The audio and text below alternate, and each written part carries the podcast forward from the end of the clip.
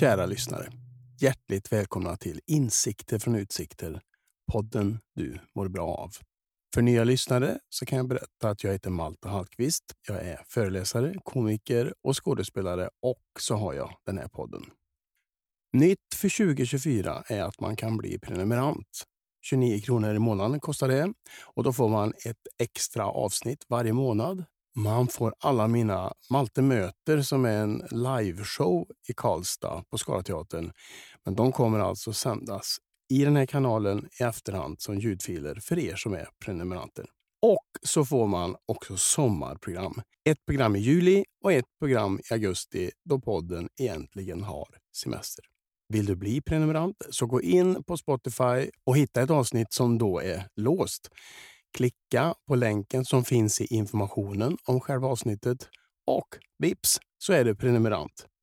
Avsnittets gäst heter Katarina Rolfsdotter Jansson. Och det är ett tips från en lyssnare faktiskt, så tack så mycket Erik Lindeberg. Katarinas och mitt samtal kommer i mångt och mycket handla om biffen, bilen, bostaden och börsen. Samt lite yoga och meditation också. Så, nu sätter vi igång! Avsnitt 156 av Insikter från utsikter med Katarina Rolfsdotter Jansson. Katarina Rolfsdotter Jansson kände redan i tidig ålder ett starkt band till hållbarhetsfrågor. Nu i mogen ålder är det hennes levebröd. Hon modererar, programleder och föreläser om och kring hållbarhet. Vad kan vi människor egentligen göra för att vår jord ska hålla till våra efterlevande? En resa med flyg värre än en resa med färja?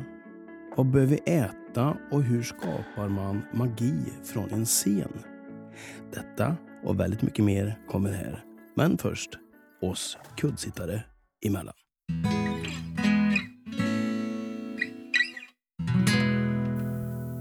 Sitter du skönt sådär som du sitter? Jag kommer nu sitta lite så här, för jag har, jag, jag har suttit i en bil från Alperna fram och tillbaka så jag har lite ischias i gumpen. Mm. Du vet vad jag löser det? Jag tar den här lite mjukare och sätter den på. Nej, jag tar en kudde. Jag vet inte om du har haft ischias någon gång men det... Nej, men jag har en långvarig infektion på svanskotan. Usch. Så jag brukar också sitta på kudde. Nu ska jag sätta mig på den här kudden så inte jag får ont då. Mm. Det är ju underbart, vi är två sådana kuddsittare. Visst är det bra? Kära lyssnare. Hjärtligt välkomna ska ni vara till ytterligare ett avsnitt av Insikter från utsikter. Podden du mår bra av. Utsikten jag har idag, eh, den har jag aldrig haft förut. Jag sitter i Malmö på ett hotell, i en hotellfoyer. Det är vackert. Och mitt emot mig så sitter avsnittets gäst. Katarina Rolfsdotter Jansson. Hjärtligt välkommen. Tack så hemskt mycket Malte. Hur mår du? Jag mår fint. Tack. Och, och det beror på? Det beror på att jag har precis eh, laddat mina batterier med en eh, skidsemester. Mm. Eh, Jag har ehm, börjat min arbetsår, mitt arbetsår med roliga uppdrag som har ramlat in. Och det är ju inte helt lätt att säga att man mår bra i dagens tider. Det är ju ganska mörkt. Ja. Så det, man får jobba lite grann på att få upp sin energi, känner jag. Hur gör du? Mer än att åka skidor? Jag yogar mycket. Just det. Eh, Jag går mycket i naturen. Jag har hund. Mm. Ehm, och jag eh, försöker umgås med människor som jag tycker mycket om. Eh, och kanske det viktigaste av allt, eftersom jag då jobbar framförallt med klimatfrågan, det är att jag liksom bollar mycket med andra som har samma typ av engagemang. För att är man ensam med någon oro, oavsett vilken den är, så blir ju alltid mycket mörkare och tyngre. Mm. Så det är väl så jag försöker förhålla mig till den samtid som jag lever i. Vi ska återkomma till mycket det du sa, men jag tänkte vi skulle börja med en faktaruta ifall man inte har koll på vem du är. Det är lite korta frågor, korta svar. Fullständigt namn, Katarina Elisabeth Rolfsdotter Jansson. ålder, 60. yrke, Journalist, programledare, moderator, författare och föreläsare. och yogainstruktör. Jag är inte instruktör längre, utan jag har varit i 16 år men jag har eh, slutat undervisa. Okej. Jag fick inte ihop det med mitt resande, med mitt riktiga jobb så att säga. Mm. Du kan få undervisa mig lite grann, för jag är jättenyfiken på just yoga. Mhm, jag älskar yoga. Så det Jo, bara- jag förstår ja. det. Mm. Civilstånd, Gift, familj, tre döttrar, två barnbarn, en hund. Hobby. Ja, det skulle vara eh, yoga då, om man kan kalla det för hobby. Eh, umgås med eh, min familj framför allt och eh, vara ute i naturen mycket. Mm. Äter helst. Vegetariskt och kanske allra helst veganskt. Mhm. Vi kanske kan få lite bra tips sen. Gärna. Ja. Du skriver massa böcker, Mm. bland annat om mat. Mhm. Dricker helst. Ett gott rött naturvin. Mm. Och det kan vara... Har du något tips? Jag har ett, ett österrikiskt som heter Meinklang som är lite så eh, husvin. Mm. En pinot noir. Okej. Du håller ju på med hållbarhet i allt du gör.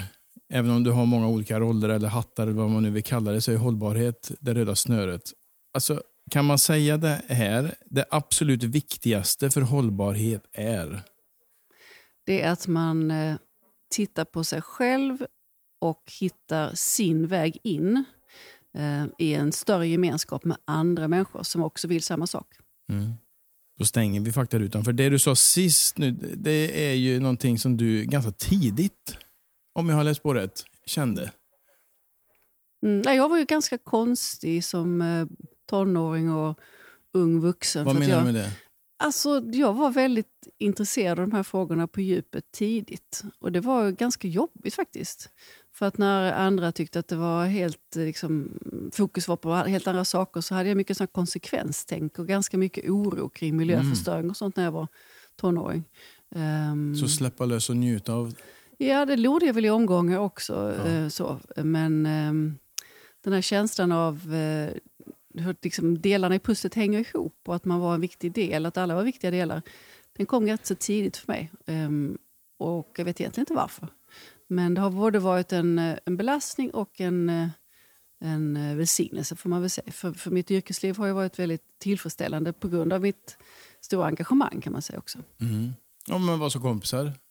Men Kompisarna, de, mina, jag umgås fortfarande med två av mina bästa vänner. De fattar ju mig på djupet, för jag har ju alltid varit sån här. Men när jag skulle gifta mig så gjorde de en rolig möhippa där jag fick bryta mot fem av mina dödssynder. Och de var lite så relaterade till det jag jobbar med Ja, vad fick typ. du göra då? Jag fick, eh, jag fick bada i eh, Barsebäck. Eh, och Jag var inte så förtjust i kärnkraft. Alltså det kylvattnet Ja, ja. Och så fick jag eh, sjunga en sexistisk sång. Det var väldigt svårt. gick inte nästan. Och sen fick jag döda ett djur. Det var en bananfluga. Och sen fick Ja, det jag... var inte så farligt. Nej, det gick. Eh, och sen vad var det mer jag fick göra? Slänga skräp i naturen och... Eh, sista kommer jag faktiskt inte ihåg vad det var. Men eh, det var nog också miljö, miljörelaterat tror jag. Mm. Men med mycket hjärta och, och, och kärlek gjorde de det. Ja, Skojade till det. Mm. Ja. För du är utbildad journalist Mhm. och du började jobba på tidning. Mhm. Och 91 så kände du det här funkar inte Mhm. med, dina, med din övertygelse. Mm. Det var ju, jag började jobba på din arbetet som inte finns längre. Mm. Eh, och på den tiden var det ju så, det är fortfarande förvisso att man, man stannar inte så länge. Det är en, det är en liksom tuff eh, arbets, arbetsmiljö. Eller arbets, ja, man, man får inte, man får, vilka, vilka, vikarierna kommer och går helt enkelt. Det är svårt att få fast jobb. Mm. Så jag var på arbetet i 11 månader och sen fick jag eh, jobb på Kvällsposten, en kvällstidning. Ehm, och där kände jag väldigt tydligt att um, de saker jag tyckte var viktiga att lyfta fram um, tyckte inte redaktörerna var speciellt uh, viktiga. Utan det blev liksom en clash. Uh, samma veva fick jag mitt första barn och sedan så fick jag möjlighet att flytta till New York där jag tidigare bott och studerat. Och då eh, bestämde jag mig för att jag skulle driva, mm, alltså bli frilansjournalist istället. Men vi kanske skulle börja med det som du nu verkar ha släppt, då, det här med yogainstruktör. Mhm. För att otroligt många av mina vänner som jag tycker verkar må bra håller på med yoga. Mm. Så det frågan, min första fråga är egentligen kanske jättedum, men vad är skillnaden på yoga och meditation? Mm. Så meditation är ju en, en, en, ehm, ett sätt att förhålla sig till sitt medvetande som innebär att man med olika tekniker är väldigt stilla ehm, och försöker hitta lugn och närvaro. Den meditationen kan vara på många olika sätt. Meditation är en del av yoga kan man säga. Men om man är lite förenklat uttrycker det så kan man säga att när man yogar ehm, kanske inte yoga på ett gym där det är lite andra förutsättningar kanske. Men när man yogar på en yogastudio eller hemma så är det lite grann som en sorts meditation i rörelse när man yogar. Eh, för att man strävar efter att vara väldigt närvarande i sin andning och när man är i andningen och i rörelserna så får man också en väldigt stilla um, ska man säga, en klarhet och en stillhet i sitt sinne. Det, det, är ganska svårt. Men om man, det är ju i riktig meditation så att säga, då är, då är man ju fysiskt stilla i kroppen och sitter eller ligger, ofta sitter. Um, så att eh, det är, vad kan man säga, det är i samma familj och ibland så kan det överlappa. Um, det finns gående meditation när man kan gå runt, en, en, jag tror det är en buddhistisk teknik. Ehm, så det är lite i samma, samma familj men så kan man välja olika sätt att förhålla sig till. Det handlar ytterst om att vara väldigt, väldigt närvarande och att uh, bli stilla i sitt sinne. Jag åkte ju tåg hit idag. Mm. Och då sitter man och stirrar rakt ut och tankarna vandrar fritt i huvudet. Mm. Mm. Är det ganska nära meditation? kan man säga. Um, som sagt, det finns så många olika tekniker inom meditationen men det man ytterst strävar efter är ju att inte, inte ha några tankar alls utan liksom vara mm. väldigt tom. Uh, men uh, att sitta så och dagdrömma kanske man kan kalla det för. Eller sitta och låta det flöda fritt i tanken. Det är också extremt läkande för hjärnan. Um, och någonting som är väldigt viktigt för mig uh, är det att det är tystnaden. Mm. Nu, nu, mhm. sitter vi och gör en podd och det har alla sina kvaliteter att lyssna på poddar och titta på visuellt material och läsa nyheter. Men jag tror att många av oss glömmer vikten av att ha tyst ibland. För då, precis som du beskrev nu på tåget, att bara liksom vara. Eh, att inte ha någon annans tankar i huvudet eller läsa någon annans tankar eller titta på någon annans videos eh, på TikTok eller någon annanstans. Ehm, det är otroligt viktigt. Och jag tror en stor anledning till att många är så stressade att de aldrig tillåts vara i det tillståndet så du var där på tåget. Att man bara sitter och så bara låter man hjärnan flumma runt lite grann helt enkelt. Man, tankarna får komma och gå. Mm. Ja, man strävar efter mm. stillhet och mm. tomhet. Kan det bli tomt? Det kan det. Ehm, det är svårt. Ehm, men det är inte så att antingen uppnår man det tillståndet eller så är det helt värdelöst. Utan det är, det är liksom all, all strävan efter att lugna sitt sinne är ju välgörande. Mm. Ehm, så där tror jag många kan känna liksom en, ett missmod och säga att jag har provat att meditera. Det gick inte alls. Men i själva provandet och sittandet med tankarna så är det också väldigt välgörande. Så det är inte så att antingen så har du högsta betyg i meditation eller så är du värdelös. Nej, nej. Alltså, så kan man inte, så få, det, så finns det, ett spektra. Ja, och också, det är ju liksom ingen, eh, det är ingen tävling. Utan det är, ett, det är ett sätt att vara snäll och eh, hälsosam med dig själv. Um, så att, att, uh, att låta sig ha den här tillfällen av stillhet. Sen vet jag själv att när man behöver det som mest, när man kanske har så superstressigt så att man inte vet varken ut eller in, då är det också som svårast att, att mm. nå ner i lugnet. Mm. Um, men något som är gemensamt både för yoga och eh, liksom klassisk meditation när du mer sitter stilla, det är ju fokus på andningen.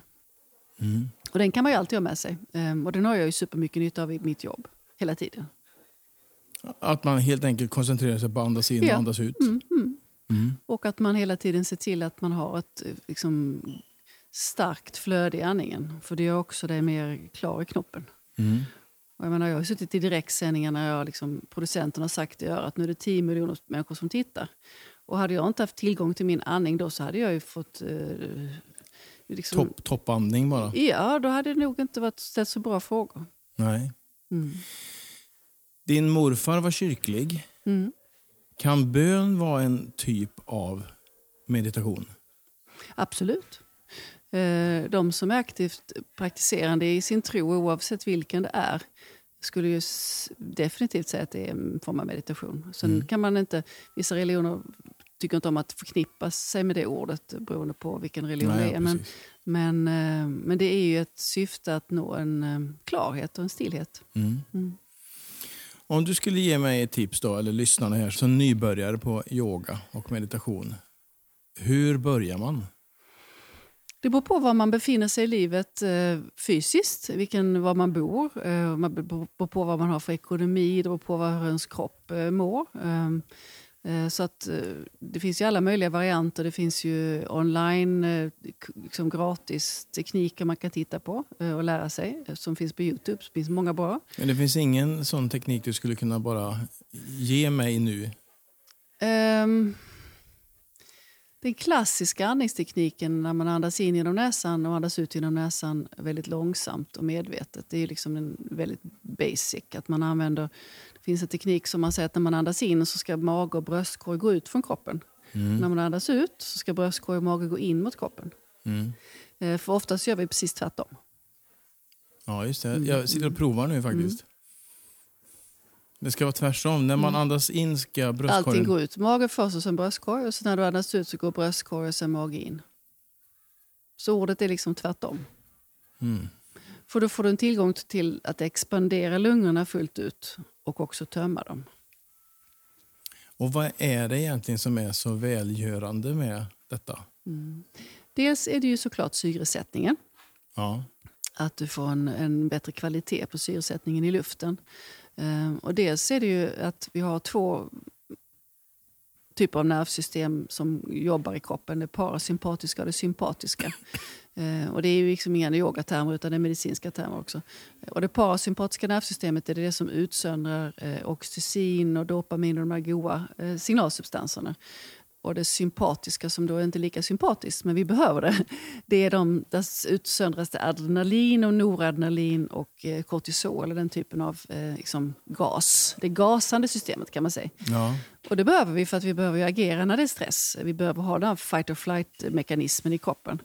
Men när vi ligger för länge med gasen i, eller femmans växel, i det sympatiska nervsystemet så sliter det på kroppen. För du utsålar för mycket kortisol, det påverkar dina binjurar, hela kroppens biologiska system. Är liksom lite vidbränt kan man säga och sen kanske det blir utbränt. Eh, men när du växlar över med hjälp av andningen, så ju oftare du djupandas desto snabbare fattar kroppen, ah just det, jag behöver inte vara beredd på eh, fara, utan nu djupandas min människa. Mm. Eh, och då är det lugnt. Då kan jag släppa på de här mm, gosiga signalsubstanserna. Och då händer det massa biologiska processer i kroppen. Mm. Så det är ett sätt att tala om för kroppen, det är lugnt.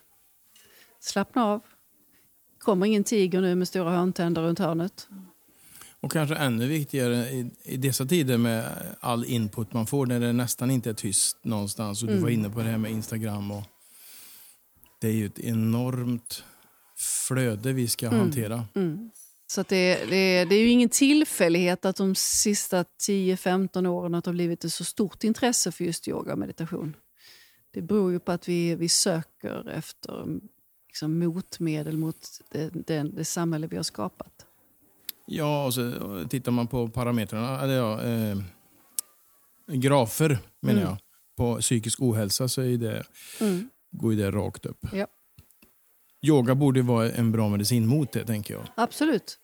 Jag säger yoga hjälper mot allt. Mm. Mot allt? Mm. I stort sett, förenklat såklart. Men mm. eh, hjärtesorg, eh, ont i kroppen, eh, vidbrändhet, sömnlöshet. Mm. Då släpper vi yogan där och pratar, för det är ju ändå någon sån hållbarhet när det gäller ja, ja, vår, vår kropp. Absolut. Det är ju, den inre hållbarheten är ju förutsättning för den yttre. För menar, mår du psykiskt och fysiskt kast mm. så är det lite svårt att tänka på eh, att gå ut och klimatdemonstrera eller eh, eh, betala in pengar till Naturskyddsföreningen eller eh, ens liksom, konsumera hållbart. För att då har du så fullt sjå att hålla näsan över vattenytan. Just det.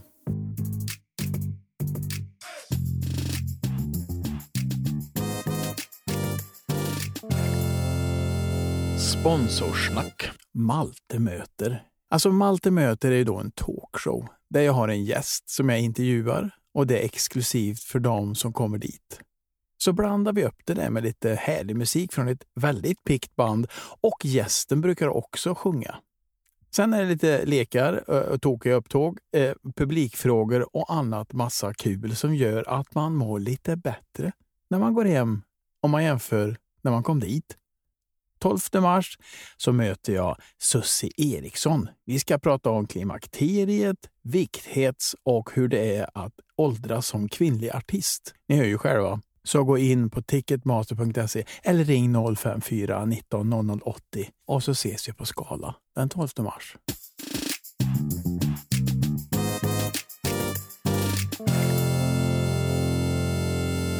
Och den andra då, yttre hållbarheten. Den känns ju ibland kan jag tycka ganska övermäktig. Hur ska vi lyckas? Mm. Tvivlar du också ibland? Oh ja. Ja, vad, vad, tror du krävs egentligen av oss människor för att vi ska kunna, kanske inte vända, men åtminstone stoppa utvecklingen? Mm. Det krävs att vi ska på djupet inse att vi har en kraft, att alla har en kraft att påverka. Um, för många gånger så, så um, tänker vi att ja, men vi röstar i ett val var fjärde år och sen så betalar vi vår skatt och sen uh, gör vi lite grann som alla andra gör. Vi flyger på våra semestrar och vi konsumerar och tänker att ja, men nu är jag, nu är jag liksom medborgare. Jag följer lagen och ja, bidrar på mitt sätt. Mm. Men uh, eftersom vi har skapat ett samhälle som nu står på randen till uh, biologisk katastrof. Um, och kanske en, en, de här tipping pointsen som professor Johan Rockström pratar om. Um, planetära gränsernas överskridande är så... Vi har redan överskridit flera av dem. Hotet är så gigantiskt så att nu kan vi inte längre bara göra de här sakerna, rösta var fjärde år och, och leva som alla andra. Utan nu måste vi eh, på djupet inse att vi behöver agera på ett annat plan. Mm. Uh, och det där är lite svårt att förhålla sig till. För, för många av oss är liksom, det lite osvenskt. Men tittar man i Frankrike och Tyskland där går ju folk ut och sätter sig på gatorna i, liksom, för olika saker. Gula västarna i Frankrike och nu protesterade bönderna i Tyskland. Mm. Vi har inte den traditionen i Sverige att, uh, att gå samman och agera och protestera mot saker som vi tycker inte fungerar. Eh, men, men eh, alla, alla har ju inte lust eller vill eller vågar kanske sitta i en eh, sån Mothers Rebellion-cirkel, rebellmammorna som jag nu har varit med i ett tag. En del kanske bara vill förändra sitt konsumtionsbeteende, sitt resande och betala in pengar till en organisation som jobbar med miljöfrågorna och det är också good enough. Mm. Men att oreflekterat fortsätta med sin livsstil och tänka sig att politikerna ordnar det här det går inte. Nej, men vi kan ta bit för bit. Vi kan ta, eh, jag vet att du eh, pratar om de fyra bena.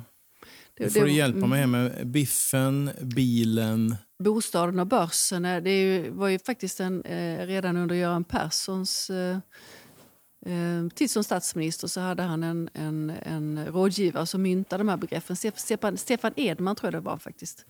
Eh, börsen kom nu till senare.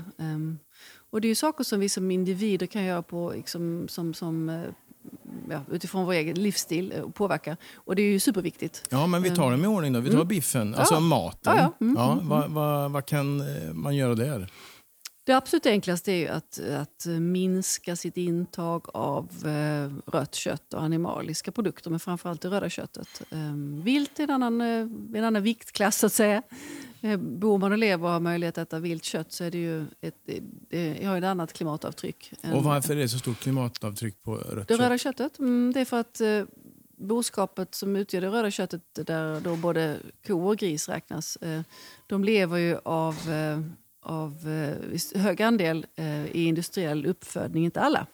Men eh, stor del på planeten är industriellt uppfödda och de äter ju väldigt mycket kraftfoder och soja till exempel för att de ska växa snabbt. Och det bidrar ju dels till skövling av, av skog och mark för att odla den här sojan. Men det är också så att deras idisslande, inte grisarna då men korna eh, och andra idisslande djur, släpper ut väldigt höga andel av eh, potenta växthusgaser som har väldigt hög eh, påverkan. Mm. Så det är deras liksom, mag-tarmkanal som ställer till helt enkelt. Ehm, så att just maten, eh, men minska sitt intag av eh, animaliska produkter, framförallt rött kött. Men också supervikt såklart att inte slänga mat. Okay. Vi slänger ungefär 25-30 procent i Sverige. Mm. Och det är ju supermycket mat som inte ska hamna i sophinken. Men där det finns där man slänger mat som går till rötgas mm. som sen blir värme. Mm. Det är klart att eh, det allra bästa är att man äter upp det som produceras. För då, I själva produktionen så går det ju åt väldigt mycket växthusgaser såklart oavsett Mm. om du äter eh, baljväxter eller kött. Och transporten av produkterna hit och dit. Eh, Men eh, det, självklart så de rester som blir av de behöver ju gå till biogastillverkning. Mm. Absolut. Och det gör det ju i många kommuner, de flesta faktiskt. Mm. Och Då kan man eh, till exempel köpa en bok av dig om man vill ha lite tips på hur man lagar mat som inte innehåller så mycket djur. Ja, jag, jag tror att man kunde det. Den, de är nog slutsålda. Den. Jag skrev en som heter Pang på rödbetan som var en, en inspirationsbok för tonåringar framförallt kring eh, livsstil och mat och hälsa. Ehm, och sen så har jag skrivit en annan bok som var ännu tidigare som handlade om små barn och mat och kost och holistiskt föräldraskap. Men, men de, det, de, är, de är ju slutsålda. Men jag har ju skrivit en eh, himla massa artiklar som säkert ligger kvar på nätet. Mm. Då släpper vi biffen, Mm. så tar vi bilen. Eller resor, det handlar väl det Ja, om? ja, bilen är ju liksom ett, det ett, en ett epitet för mobilitet kan man säga, för att transportera sig. Mm. Ehm, ja, bilen är ju ett jättestort problem oavsett om man har en fossilbil eller en, ett, en elbil. Ehm, så det vi behöver titta på är just hur, hur själva förflyttningsbehovet. Ja. Ehm, alla kan ju inte och behöver ju inte äga en bil. Ehm, Men när ni behöver- drog ner nu till Alperna, Mm. eh, kan man vara helt säker på att all el man tankar bilen med är gjord utan fossila Nej. ingrepp? Nej, det kan man inte. Eh, Tysklands energimix har förvisso blivit bättre. De senaste, senaste året kom en rapport för en vecka sedan. De har ju eh, utvecklats enormt inom vind och sol sen de stängde sin kärnkraft. De har fortfarande en del eh, kol kvar i sin Mm. produktion. Men de har gått rätt snabbt framåt med det förnybara.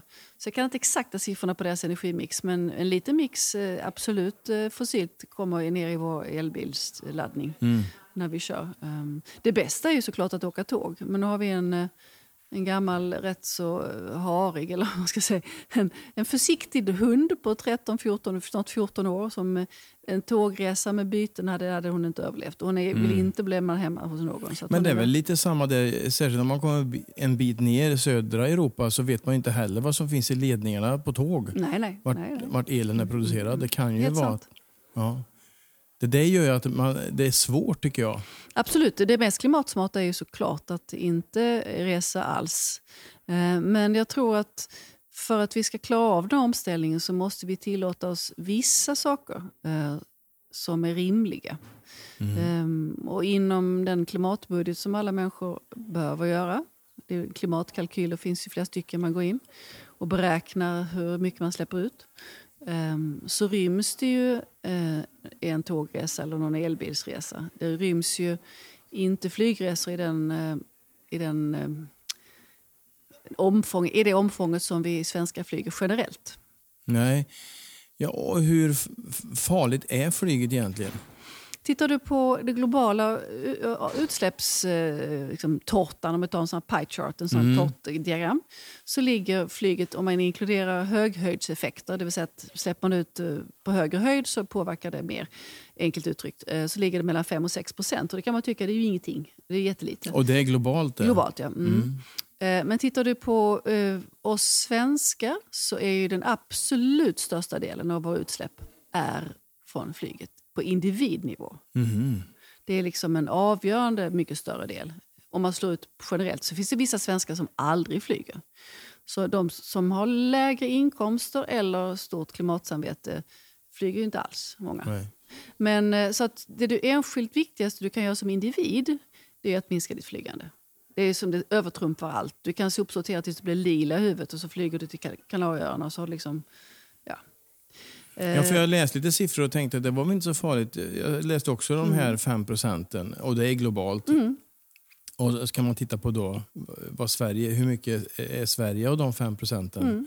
Och sen hur mycket är jag av Sveriges procent? Så blir det, ja, det blir nästan försumbart, Mm. rent matematiskt. Automatiskt ja, eh, moraliskt och eh, förflyttningsmässigt nej. Eller ja, det är viktigt att vi, att vi gör det här. Eh, för att det handlar ju om någonstans om rättvisa. Varenda gång jag bestämmer mig för att eh, sätta mig på ett flygplan så tar jag ju av mina barn och barnbarns utsläppsutrymme. Vi vet ju hur mycket kolbudget vi har kvar i Sverige. Och vi vet hur mycket kolbudget vi har kvar globalt.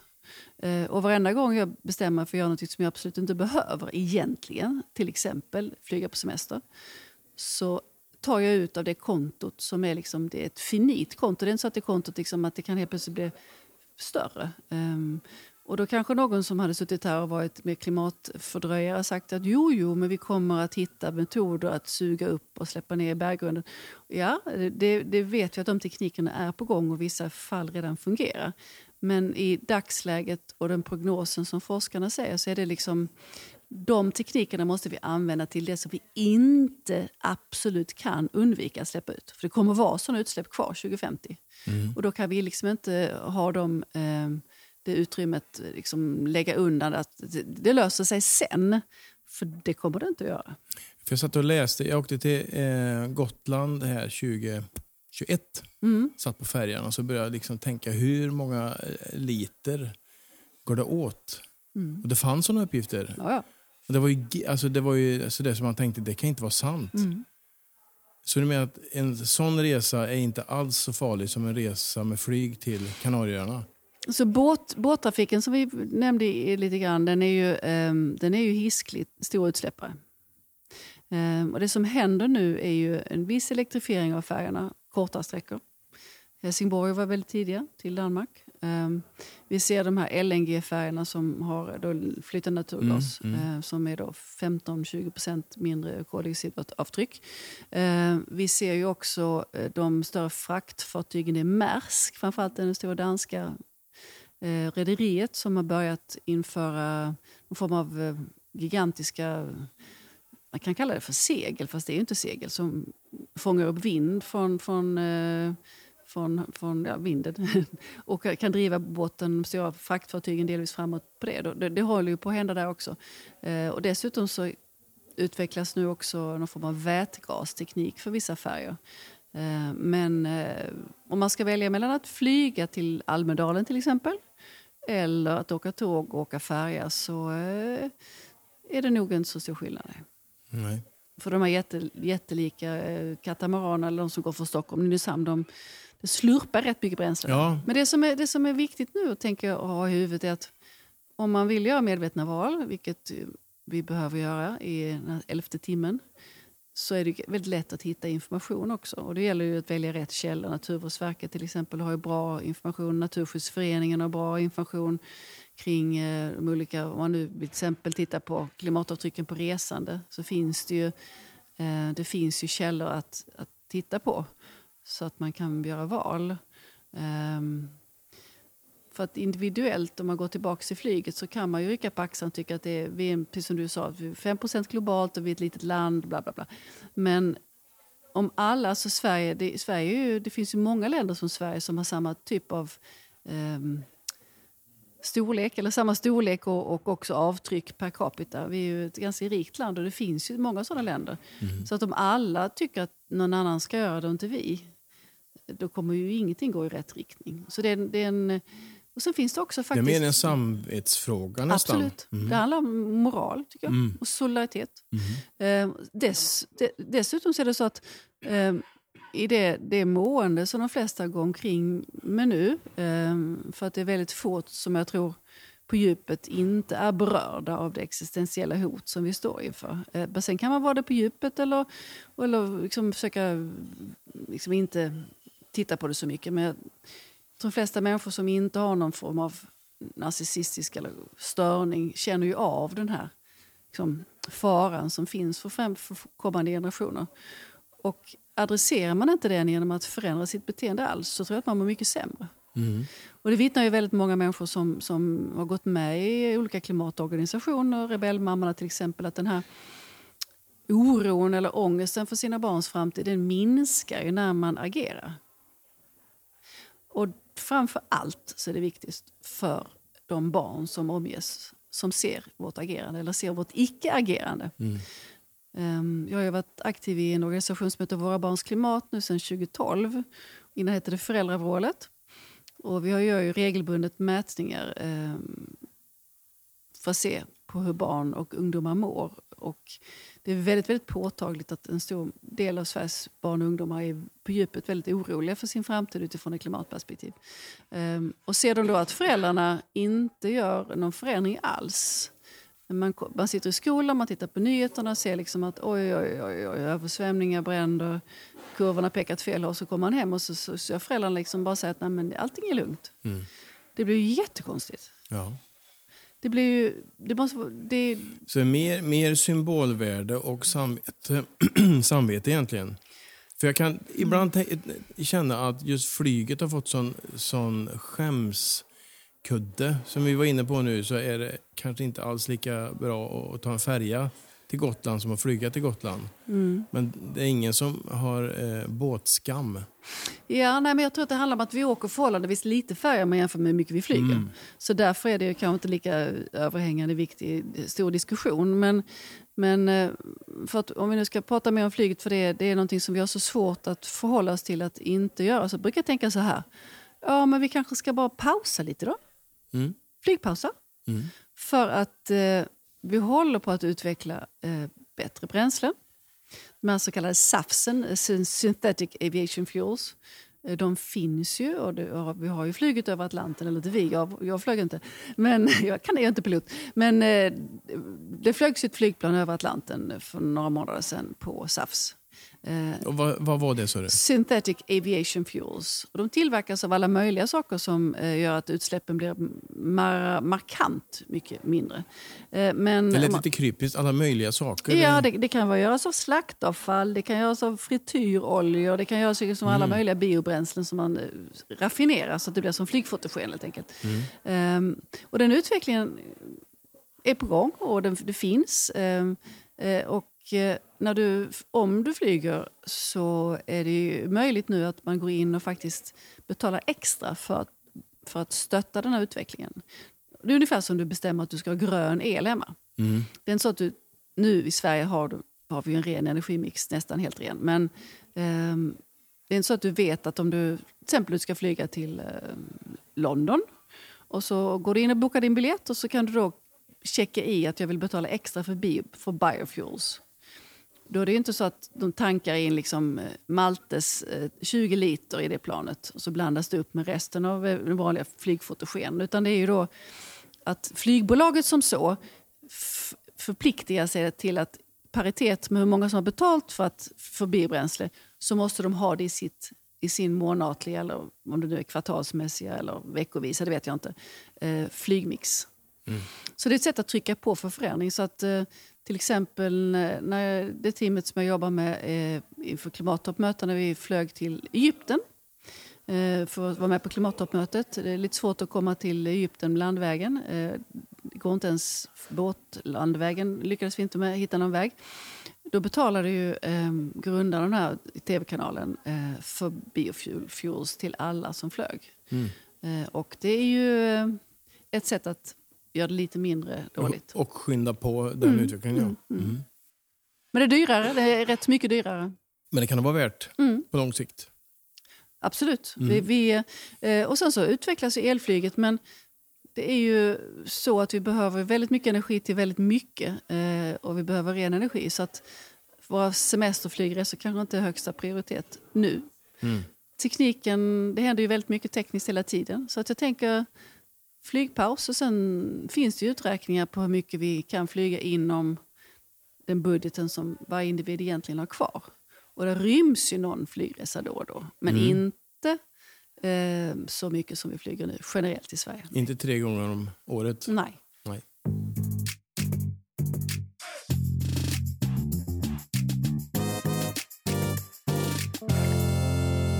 Sponsorsnack. Det finns många som drömmer om en balkong en inglasad alltså, där man kan sitta och leka sommar fast det är tidig vår eller sen höst. Det är ute fast det är ändå inne liksom. Man behöver inte fundera på om det regnar eller är kallt ute, man går ut ändå. För bor man i en lägenhet så kan det ju vara lite instängt och dagar man är lite seg eller inte känner sig riktigt helt frisk så kan man ändå lätt komma ut och få lite frisk luft. Balko heter ett gäng som skapar såna här ytor. Balko stavas med C förresten. De gör både öppna balkonger men också då inglasade. och jag var med när de invigde sina nya lokaler här i Karlstad. Jag fick på riktigt nästan en chock över så fina balkonger de gör. Ljusa och luftiga och flexibla. Ja, jag har fått betalt för att säga detta, men det är ju sant också. Och det känns ju bra att få betalt för att man håller sig till sanningen. På scen kan jag ibland stå och hitta på vad som helst och ändå få betalt. Hur som helst, Balko och deras balkonger öppnar för så många möjligheter. Lite vardagslyx skulle man kunna säga. En plats för avkoppling och återhämtning eller varför inte en plats för fest. Ta kontakt med din hyresvärd eller din bostadsrättsförening och tillsammans går ni in på balko.se och se hur ni kan lösa detta. Balkongen i gränslandet mellan ute och inne.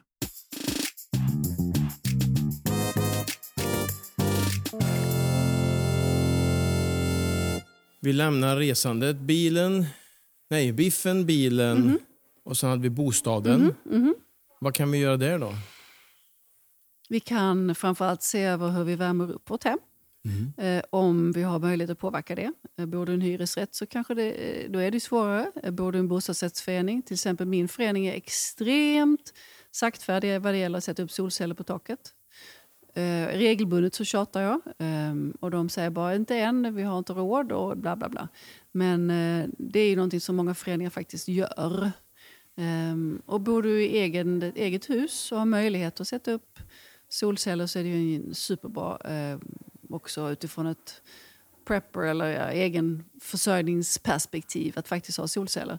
Ehm, mina två döttrar, mina två äldsta döttrar har, de bor i hus eh, och de har eh, satt upp. Mm. För de har sådana lägen så att de kan få bra, de både rasslar ju in liksom, eh, ordentligt med, eh, med eh, el i systemet. Mm. Så det är väldigt tillfredsställande. Ehm, sen så kan du ju såklart framförallt energieffektivisera. Det är någonting vi är rätt dåliga på att prata om i Sverige. Att, att det du, det tar hand om det vi har utifrån ett effektiviseringsperspektiv.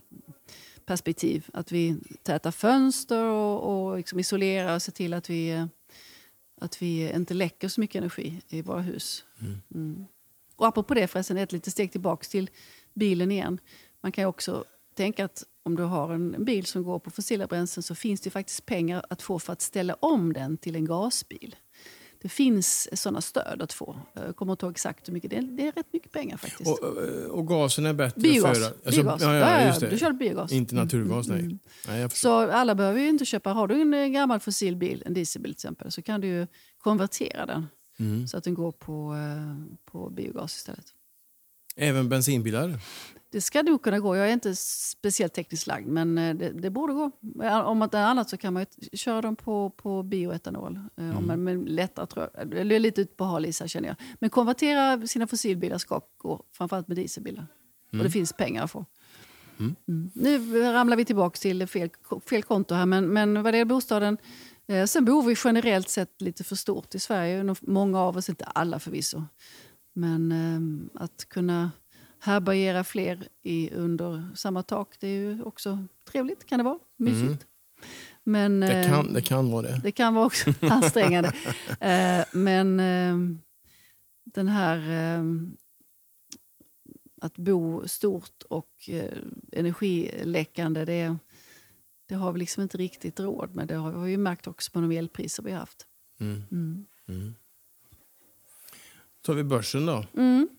Ja, det blev senast för några timmar sedan blev jag otroligt uppretad på, börsen. Det var, presenterades en ny eh, banbrytande undersökning faktiskt. Eh, Fair Finance Guide en, har funnits i rätt många år nu som genomlyser de olika finansiella aktörernas eh, ja, hållbarhetsperspektiv kan man säga, enkelt uttryckt. Eh, och nu har de tillsammans med Naturskyddsföreningen gått igenom eh, de svenska storbankernas klimatavtryck. Ehm, och det är helt hiskligt. Eh, och det är då de investeringar som bankerna gör och de pengarna som vi sätter in ehm, på banken, vad de används till för att låna ut till vilken typ av verksamheter. Så har de då räknat hur stort klimatavtryck det har. Och det är liksom mycket större än hela Sveriges nations klimatavtryck. är det uttrycket, avtrycket som bankernas utlåning då bidrar till. Så det blev en rätt så stor skräll idag i medierna när den kom. Ehm, och så kan man då titta på en bank, S-banken, var ju mångfaldigt mycket värre än eh, de andra storbankerna. Och det, det handlar om att man lägger pengar i fonder som, Ja, som Ja. driver utvecklingen åt fel håll. bank, S-banken använder de pengar vi eh, sätter in hos dem eller investerar i S-banken på olika sätt att finansiera verksamheter som eh, släpper ut fossila Mm. bränslen, fossila avsläpp, utsläpp. Och det är, alltså, varför de gör det måste ju vara att det är ekonomiskt bra. Jag Tyvärr. Ja, och också en typ av eh, ska man säga, laissez-faire, en låt-gå-mentalitet som, som eh, kortsiktigt tänkande, får man väl säga. Mm. För några veckor sedan så blev det stort larm i media kring att AP7, den AP-fonden som alla som har då en premiepension, det har vi ju, eh, som inte har gjort ett aktivt val där. Där går alla våra premiepensionspengar till AP7. Och AP7 investerade ganska nyligen i Aramco som är en saudiskt oljebolag.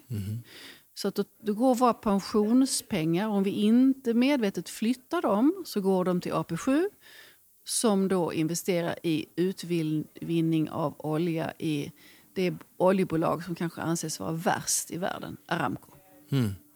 Och det här är en ganska jobbig bit för att jag tror att väldigt många Dels att pensionsspara, det, det är krångligt nog. Mm. Och sen ska man in då och kolla vilka fonder driver här är utvecklingen åt fel håll. Eller finns det hjälp att få någonstans? Absolut, absolut. Det här är ju premiepensionen, så den, den, den är den delen av din eh, allmänna pension som du kan göra ett, ett val kring. Så det är inte ditt privata pensionssparande. Det är ju en annan femma. Det får man också se till att man checkar med eh, olika parametrar kring hållbarhet. Men Fair Finance Guide har en väldigt enkel eh, to-do-list. Det tar några minuter så kan du flytta din premiepension bort från AP7. Mm. Det går väldigt snabbt. Det är en sån, ett, först gör du så och sen gör du så och sen är det klart. Eh, och så får man såklart göra några val. Det finns svanmärkta fonder, det finns lite andra fonder man kan välja. Och det är din premiepension. Och sen har du då ett privat pensionssparande utöver det. Så behöver du också gå in och titta på olika kriterier där för att inte de pengarna ska gå i ja, Rysslands fond eller någonting annat. Det är en enorm påverkan, börsen. Enorm. Hör det nu, lyssnarna. Så att det, det är Fair Finance Guide. Är, är, det- gå in där så får du hjälp. Eh, och sen så borde du också kunna gå och prata med, om, de nu har en bankman eller bankkvinna, vilket inte är så lätt att ha nu för tiden, för det mesta är digitaliserat, så kan du också få hjälp där. Vad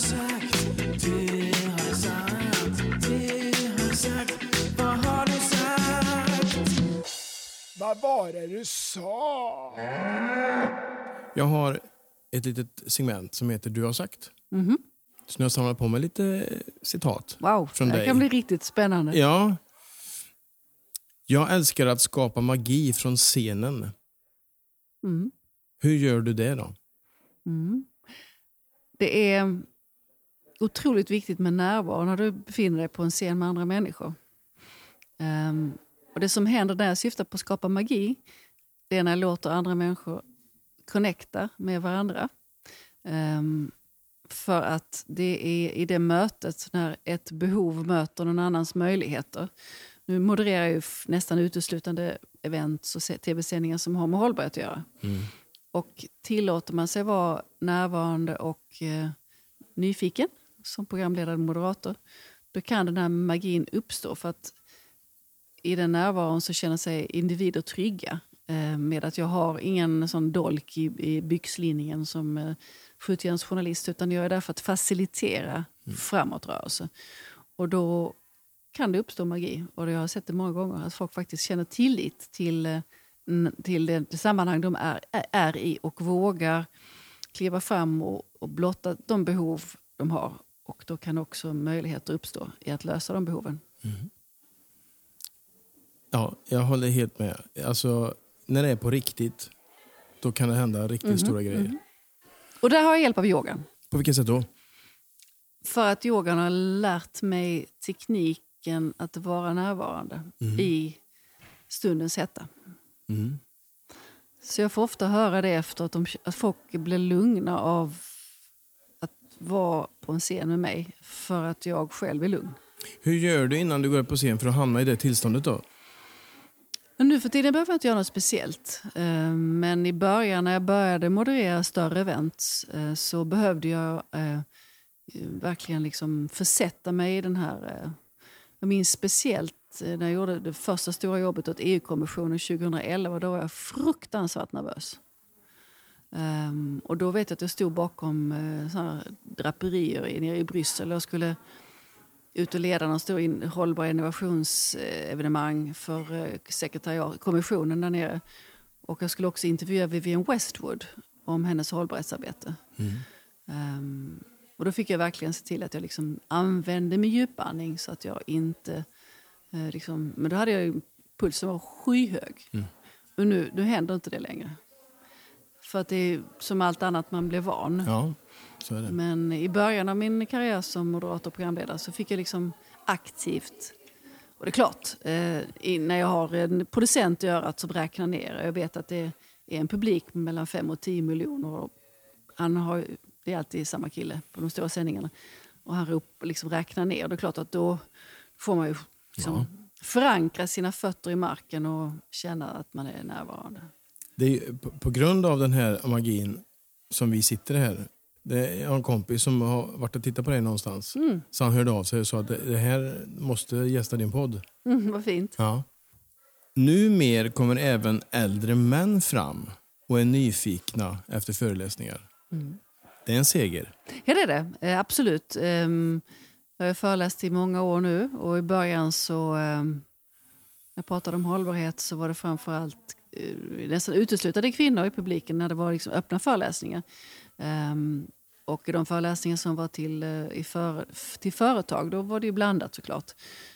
Um, och det tog ett tag innan, uh, innan männen liksom kom fram efteråt och pratade med mig. Uh, men nu är det mer män än kvinnor som kommer fram. faktiskt. För att de har, många har nog, om man tittar generaliserar lite, så har kvinnorna i regel, och det finns ju statistiskt belagt också, kommit längre i sin hållbarhet, hållbara medvetenhet. Tittar man på konsumtion, hur man transporterar sig, etc. Eh, etc. Matval, allting så är kvinnorna längre fram. Mm. Utom när det gäller konsumtion av kläder. Mm. Där är kvinnor efter männen. Mm. Uh, Men just när det gäller mjuka frågor, om vi ändå mm. får kalla det det, så mm. är det ju ofta så, om vi får generalisera lite, att kvinnor är mer intresserade. Vad beror det på? Har du något svar på det? Nej, det där är jättesvårt. Um, jag tror, ja, det enkla svaret är väl könsroller um, och att vi har um, män inte har tillåts, tillåtits tidigare att uh, vara lika omvårdande i sin, uh, tillåta de aspekterna av sin personlighet komma fram. Och ytterst så handlar ju uh, klimatmedvetenhet och miljömedvetenhet om en omsorg. Uh, men jag ser ju att det där håller på att förändras. Att, mm och det handlar om att vi har haft genuspedagogik i vårt skolsystem. Att eh, poj unga pojkar och unga män har tillåtits i de system där det fortfarande finns tillräckligt mycket pedagoger att vara ledsna och att vara rädda och att mm. sätta ord på det. Eh, och då blir det ju lättare att också gestalta sin oro för sina barns framtid i, i sitt yrkesliv eller som privatperson om man har tillåtits att få lov att visa de sidorna. Jag är värderingsstyrd. Mm. Mm. Och vad är det för värderingar då som styr dig? Alltså hållbarhet är ett så stort begrepp. När det myntades som begrepp hållbar utveckling 1987 av eh, förra norska statsministern Gro Harlem Brundtland så innefattade det ju den sociala hållbarheten, den ekologiska och den miljömässiga hållbarheten. Um, och, och tittar man på den så är den ju de tre benen på pallen kan man väl säga. Eh, så omfattar de ju i stort sett allt som mm. har med eh, omsorg om varandra och om framtiden att göra. Um, nej, men värderingar har varit viktiga för mig utifrån de här tankarna kring eh, rättvisa, solidaritet och omsorg. Um, jag har väldigt svårt för egoistiska personer. Mm. Jag har väldigt svårt för uh, sammanhang där uh, man inte ser sin, liksom, sin pussel, att man inte ser sig själv som den pusselbit som man faktiskt är. Utan man, man säger sig ha rätten att agera på ett, ett, ett andras bekostnad. Uh, det har jag väldigt svårt för. Och vad händer med dig då? då? Blir du arg, ledsen Ja, eller? Ja, jag kan säga ifrån om det behövs, absolut. Mm. Ehm, ehm, det har jag gjort uh, vid flera tillfällen. Men jag tänker också att, att det bästa sättet är ju att leva sina egna värderingar och försöka inspirera så mycket man kan i sitt, sina egna val. Och sen, sen är det också väldigt viktigt att ha med sig det här att man, ingen är perfekt, jag är absolut inte perfekt. Eh, utan man får hitta, hitta sina vägar framåt. Och där är återigen tillbaks till, till yogan. Att, att bli medveten om sina egna reaktioner och känslor är också förutsättning för att, att leva efter sina egna värderingar. Man har länge pratat om det som kallas för kognitiv dissonans. Det är ju glappet mellan det man innerst inne tycker är viktigt och det sättet man lever på, agerar. Det är ju liksom dissonansen. Ehm, och det är ju... ehm, den Är det du som har hittat på det uttrycket? Nej, det är det inte. Det har funnits ett tag inom psykologin. Ehm, men det är ett sätt att... Liksom, dissonans förstår man, det, man kan, det kan skåra falskt. Och, oh, det är det här dissonans i, i musik och så är det jobbigt. Det där är obehagligt med dissonans. Och tittar man på människor som har varit väldigt styrda och, och levt i sitt kall, kan man, vad man får kalla det för så. Martin Luther King, eh, Moder Teresa, med andra exempel Nelson Mandela som på något sätt har levt sina värderingar fullt ut. De individerna är ju oftast väldigt eh, inspirerande att vara nära och lyssna på. För att Och verkar en sån- väldigt harmoniska. Exakt. För när jag läste om det där ordet så tänkte jag på din morfar igen. Mm. För det fanns ju en kille som heter Paulus i Bibeln. Han Mhm. skriver ju om det där. Han, det, jag, det jag vill göra, det gör jag inte. Exakt. Men det jag inte vill, det gör jag. Mm.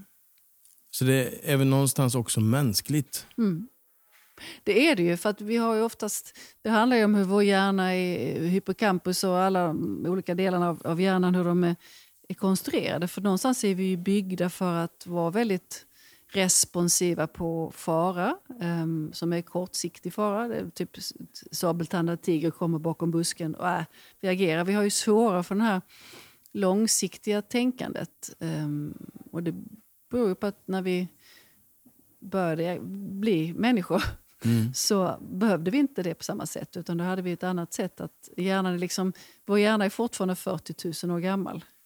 Den är liksom inte annorlunda, väldigt lite i så fall, eh, enligt hjärnforskningen. Så, så är det ju en utmaning att förhålla sig till den här stenåldershjärnan i eh, I ett modernt 20, samhälle. 2023. Mm. Därför är det lätt att man, att man fattar kortsiktiga beslut och agerar på, på ett impulsivt sätt. eh. Och där är ju återigen den här medvetenheten och att vara lite mer reflekterande gentemot sig själv eh, viktig.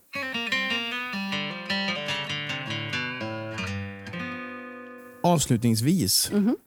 på din hemsida tror jag det är, eller på flera affischer som jag har sett, så står du och håller i mål 17. Mhm. Som då är genomförandet av global partnerskap. Mhm. Varför har du valt att hålla i den? Det är de 17 globala målen, precis som du sa, som, som eh, vi enades kring i de flesta länder i världen 2015. Så vi, och de är, löper ju fram till 2030, så vi vi är ju mm, förbi halvtid. Ehm, och det, de bilderna jag håller den här kuben det är ett, ett sammanhang som jag har jobbat med i flera år nu som heter Sustainable Tomorrow. Som är, eh, nu är det Nordens största nätverk av eh, företag och civilsamhälle och offentlig sektor som diskuterar hur man tillsammans genom att kroka arm kan komma längre fram snabbare kring de globala målen. Ehm, och mål 17 är ju ett mål som egentligen speglar tillbaks på alla de andra 16 målen. Att för att lösa dem, eh, med de 169 delmålen som finns, det är ganska många, eh, så kan vi inte göra det ensamma. Utan vi behöver vara i samverkan med andra. Så därför har vi inom A Sustainable Tomorrow valt mål 17 som vår, liksom, vår, eh, vårt huvudmål. Just för att vårt fokus är så starkt på samarbete och samverkan. Mm. Och ursprungligen om man läser målet väldigt noga så handlar det om globala samarbeten. Nu, eh, det nätverket eh, AST, Sustainable Tomorrow, jobbar mest i Sverige men också utvecklar nu mer i Norden. Men det är egentligen samarbete behövs ju in, inom familjer, inom eh, företag och framförallt över de klassiska gränserna. Eh, inte bara nationsgränser utan också att vi behöver samarbeta med de som vi kanske inte trodde att vi behövde samarbeta Mm. med. För det, det är då det händer saker. Mm. Och för mig som eh, jobbar mycket och är ute och föreläser om relationer så blir jag glad. För jag tror att det är det som är grejen om vi ska föra den kampen framåt. Mm. Att vi faktiskt gör det tillsammans. Absolut. Mm. Absolut, det är helt, eh, och det- vi vet ju också att tittar man historiskt tillbaka så är det ju de här eh, tillsammansaktionerna som har förflyttat samhället snabbare framåt. Titta på eh, rösträtten till exempel. Hade vi inte slutit oss samman där så hade vi ju inte fått rösträtt lika snabbt som vi fick. Nu kan många tycka att den kvinnliga rösträtten som kom i Sverige var 1921, för det var också sent, men i Schweiz kom 1975. Ehm, så där gick de kanske inte samman lika kraftfullt. Ehm, tittar man på abortlagstiftningen, tittar man på USA eh, ehm, eh, avskaffandet av slaveriet till exempel. Det var ju inte så att folk satt hemma och inte gjorde något utan de gick ju samman Mm. och agerade på olika sätt. Så det är väl det som, där ligger mitt stora hopp inför framtiden. Att jag tycker att det är fler som begriper det nu. Um, och när jag nyligen intervjuade Johan Rockström, eh, professorn, så tog han också upp det. Att nu är vi så sent in i matchen, i liksom, så långt framåt de här trycken mot de sista planetära gränserna. Att, att vi måste använda, inte civil olydnad tvungetvis, utan men socialt tryck, social action. Vi behöver gå samman. Eh, För att vi ser ju att politikernas mod och handlingskraft är ju beroende på opinion, av opinion, det vet vi ju. Så att eh, det räcker ju inte att man går och röstar var fjärde år och så tycker man att eh, shit, det kanske var lite dumt att jag röstade på dem eller, eller så var det bra utifrån en- ens politiska perspektiv. Men man behöver agera när man ser att det går åt fel håll så behöver vi, vi behöver gå ut och sätta oss på gatorna helt enkelt. Mm. Och det gör jag. För det är en balansgång. För börjar man limma fast sig så kan det bli som för våtmarken att när man hör ordet våtmark så, så är det första man känner är irritation. Och dit vill man ju inte. Nej, och det, det där kan man prata mycket om. Eh, eh, hur den, just den civila olydnaden, vilka effekter eller icke-effekter de har. Och det kräver nästan en hel separat podd, så jag tycker vi lämnar det där Men jag ägnar mig inte åt civil olydnad. Mm. Utan jag ägnar mig åt eh, em, polis, eh, godkänd, fredlig eh, mammasittning. Mm. Eh, och senast så satt jag med min, en av mina döttrar och hennes dotter. Och eh, min man eh, delade ut flygblad. Så det blir en liten familjeanlägenhet. Det var jättefint. Mm. Och så sjunger vi. Och vad sjunger ni? Mother's gonna rise like the waters. We're gonna face this crisis now. I feel the voice of my sons and daughters saying climate justice now. Snyggt. Vilken fantastisk avslutning på den här podden. Stort tack att du tog ton. Lite skrovligt kanske, men när vi är många så låter det vackert. Mm. Det lät jättevackert nu. Mm. Tack för att du kom hit och stort lycka till eh, med det du gör. Och till dig som lyssnar, häng på. Tack så mycket Malte, vad fint att vara med.